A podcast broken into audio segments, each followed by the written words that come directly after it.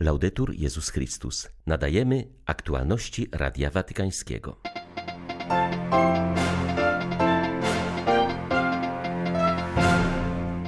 Po straszliwym w skutkach trzęsieniu ziemi, które nawiedziło Haiti, kraj bardzo potrzebuje solidarności ze strony wspólnoty międzynarodowej. Rośnie liczba ofiar i rannych, tysiące ludzi pozostaje bez dachu nad głową przewodniczący Papieskiej Akademii Życia wzywa do szczególnej troski o osoby starsze, niepełnosprawne i wykluczone. Po przejęciu władzy przez talibów rośnie w Afganistanie obawa o życie chrześcijan.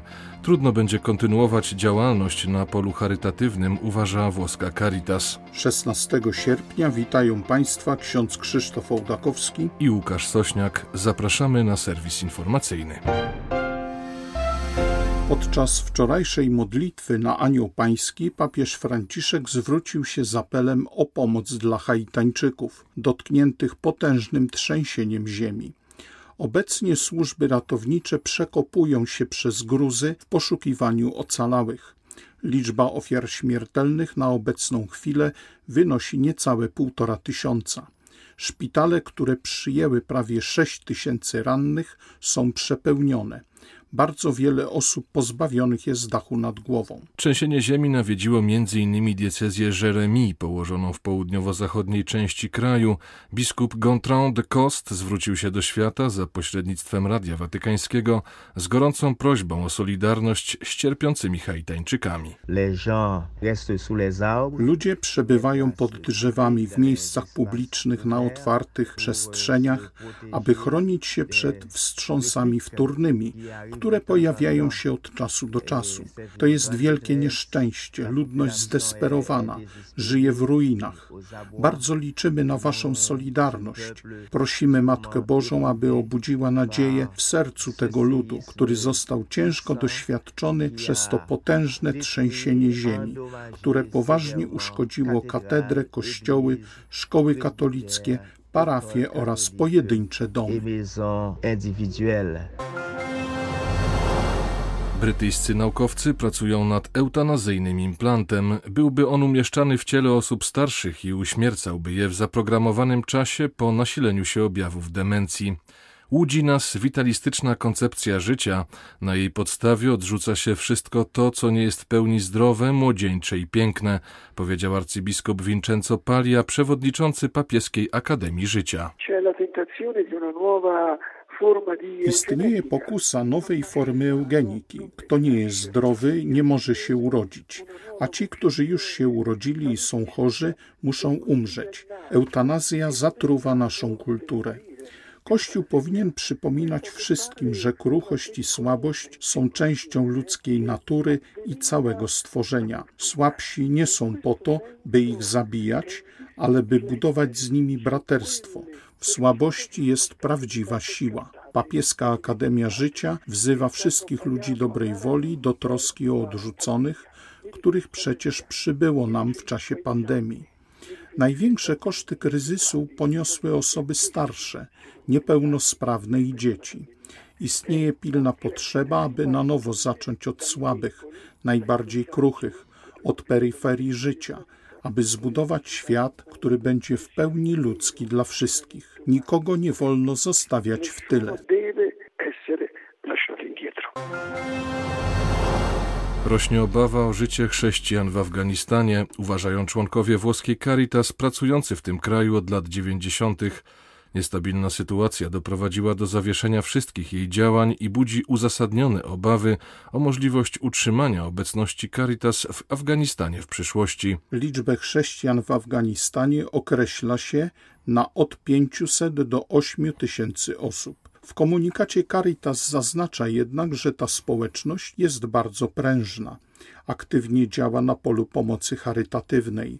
Jest zaangażowana w prowadzenie dużego programu rozwojowego, który przyczynił się do budowy czterech szkół i do powrotu prawie 500 rodzin uchodźców. Społeczność chrześcijańska wsparła także budowę stu schronisk dla najuboższych i program pomocowy dla osób niepełnosprawnych. Caritas zwraca uwagę na rosnącą liczbę afgańskich uchodźców.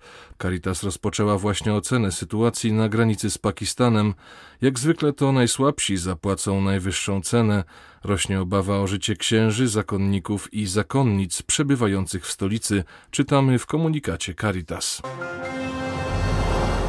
Jałmużnik papieski opowiedział Radiu Watykańskiemu o letnich wyjazdach z bezdomnymi i ubogimi zauważył, że większość z nich w obecnym czasie podejmuje dorywczą pracę nad morzem lub w górach. Szef Urzędu Dobroczynności Apostolskiej przyznaje, że to, co możemy najcenniejszego ofiarować potrzebującym, to nasz czas. Wybieramy się z nimi nad morze prawie każdego wieczoru dwoma busami, czyli około 15-16 osób. Jedziemy do Palidoro, tu niedaleko Rzymu, lub też do Castel Gandolfo nad jezioro Albano. Tam spędzamy z dwie godziny czasu i potem udajemy się albo na pizzę, gdy jesteśmy nad morzem, albo na słynną porchettę z Arici. Niektórych bierzemy z naszych noclegowni, innych bierzemy spod pryszniców. Około 200 osób się kąpie dziennie, więc bardzo łatwo jest skompletować 15 osób ale są też dni, kiedy po prostu jedziemy na ulicę i przejeżdżając ulicami wiemy, gdzie są, zapraszamy ich. Oni oczywiście jadą z całym swoim domostwem, czyli to są plecaki, torby, zabieramy, mamy dość duże samochody z bagażnikami, zabieramy ich wszystkich, mamy dla nich ręczniki, mamy dla nich spodenki, mamy dla nich wszystkie rzeczy, które są potrzebne na plaży, nawet czapki. Są niesamowici, ja od nich się uczę bardzo dużo, dlatego, bo kiedy są na ulicy, to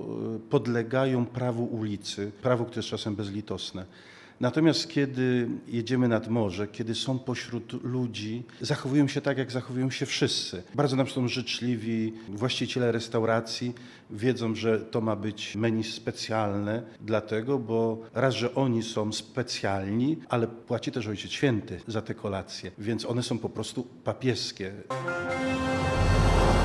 Kościół w Nikaragui nie boi się prześladowań, których dopuszcza się rząd. Będziemy nadal walczyć o demokrację bez względu na konsekwencje, powiedział arcybiskup stolicy kraju Managui. Jednocześnie podkreślił, że Kościół chce zachować niezależność i nie zamierza przekształcić się w opozycyjną partię polityczną. Zależy mu jedynie na ochronie praw człowieka i wolności. Kardynał Leopoldo Brenes zapowiedział, że stanowiska nikaraguańskich biskupów nie zmienią nawet krwawe represje. Będziemy protestować tak samo jak w latach 80. podczas pierwszej kadencji prezydenta Ortegi, kiedy znaleźliśmy się w wyjątkowo trudnym położeniu, ale przetrwaliśmy i przeciwstawiliśmy się naszym oprawcom, zapewnił Purpurat. Ortega wielokrotnie oskarżał kardynała Brenesa i innych biskupów o to, że stoją za serią masowych protestów przeciwko rządowi, które rozpoczęły się w kwietniu 2018 roku. W starciach z siłami bezpieczeństwa zginęły setki osób, a tysiące trafiły do więzień. Dziesiątki tysięcy mieszkańców Nikaragui uciekło za granicę, w tym biskup pomocniczy Managui Silvio Jose Baez. years. W ciągu ostatniego miesiąca prezydent Daniel Ortega i jego żona, wiceprezydent Rosaria Murillo uwięzili około 25 liderów opozycji, w tym kilku polityków, którzy zamierzali wystartować przeciwko nim w nadchodzących wyborach prezydenckich. Po trzech latach od rozpoczęcia protestów w kraju niewiele się zmieniło. Prawa człowieka wciąż są łamane, nie działają wolne media, a krytycy władzy trafiają do więzień. Stany Zjednoczone i ONZ wyraziły swoje zaniepokojenie upadkiem demokracji w Nikaragui. Słynne freski Giotta, znajdujące się w Padwie, które niedawno zostały wpisane na Światową Listę Dziedzictwa Kulturowego UNESCO, niosą przesłanie Ewangelii poprzez piękno sztuki. Przekonany jest o tym miejscowy ordynariusz, który wskazuje, że można w tych dziełach kontemplować duchowe treści, które są w nich obecne i które inspirowały twórców w przeszłości. Biskup Claudio Cipolla uważa, że piękno samo w sobie ewangelizuje stanowi szczególną drogę budzenia duchowej wrażliwości. Uważam, że te dzieła sztuki niosą przesłanie Ewangelii. Jest ona głoszona dzisiaj poprzez tych, którzy nas poprzedzili, nie tylko przez samych artystów, ale także przez tych, którzy ich inspirowali. To jest orędzie, które nieustannie rozbrzmiewa. To jest przesłanie przekazywane tym, którzy nie posiadają wrażliwości duchowej i obca im jest wrażliwość religijna i chrześcijańska. Ten, kto nie jest wierzący, kto przybywa z innej części naszego świata, kto nie podziela tej samej wrażliwości chrześcijańskiej, pozostaje zachwycony tym, co widzi. To jest wspaniała okazja do obudzenia wrażliwości duchowej w sercu człowieka. To sprzyjająca chwila, aby przekazać słowo, które nie posiada jedynie wymiaru artystycznego, ale również wymiar ludzki i duchowy. Kościelna sieć panamazońska opublikowała dramatyczne dane na temat rozmiarów pandemii w regionie Amazonii. Potrzeba więcej szczepionek i więcej odporności na całym terytorium. W związku z tym ruszyła kampania zachęcająca do szczepień w dziewięciu krajach leżących na tym terytorium. Panująca sytuacja budzi głęboki smutek, ale i jednoczy nas w głośnym wołaniu, aby szczepionka dotarła do wszystkich mieszkańców Amazonii i aby ludność została uodporniona w celu całkowitego i trwałego zwalczenia pandemii. W ten sposób rozpoczyna się informacja opublikowana przez REPAM w raporcie na temat sytuacji pandemicznej w regionie. Oficjalne dane mówią o ponad 100 tysiącach zmarłych i ponad 3,5 milionach zarażonych wirusem COVID-19 na obszarze Amazonii. Pandemia jeszcze bardziej uwidoczniła brak opieki zdrowotnej w tym regionie świata. W ciągu ostatnich 16 miesięcy sytuacja stała się szczególnie dramatyczna z powodu braku tlenu, środków medycznych i podstawowego bezpieczeństwa żywnościowego dla dotkniętej wirusem ludności. Niewystarczająca ilość szczepionek świadczy o zaniedbaniu i braku powagi większości rządów krajowych w radzeniu sobie z pandemią. Z drugiej strony mamy do czynienia z rozprzestrzenianiem się kampanii kampanii dezinformacyjnych w społecznościach amazońskich do tego stopnia, że ludzie odmawiają szczepień.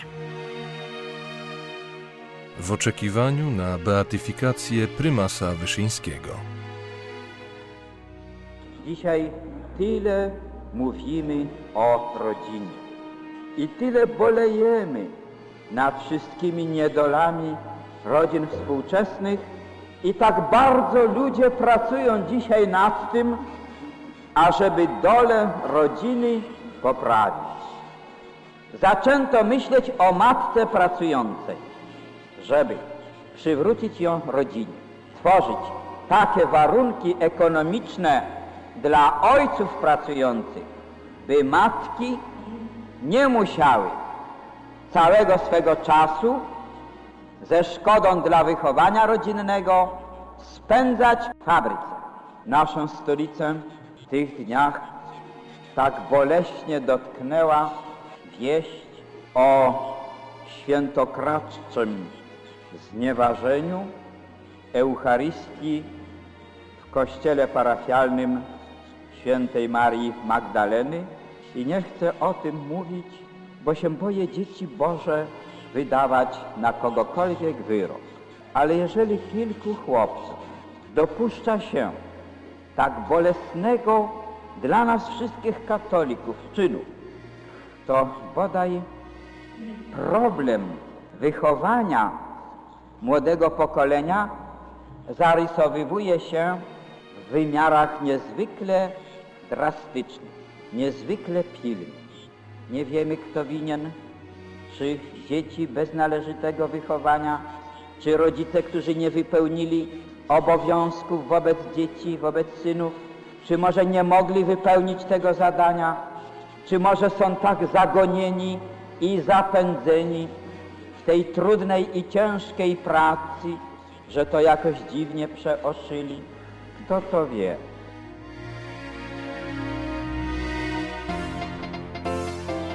Były to Aktualności Radia Watykańskiego.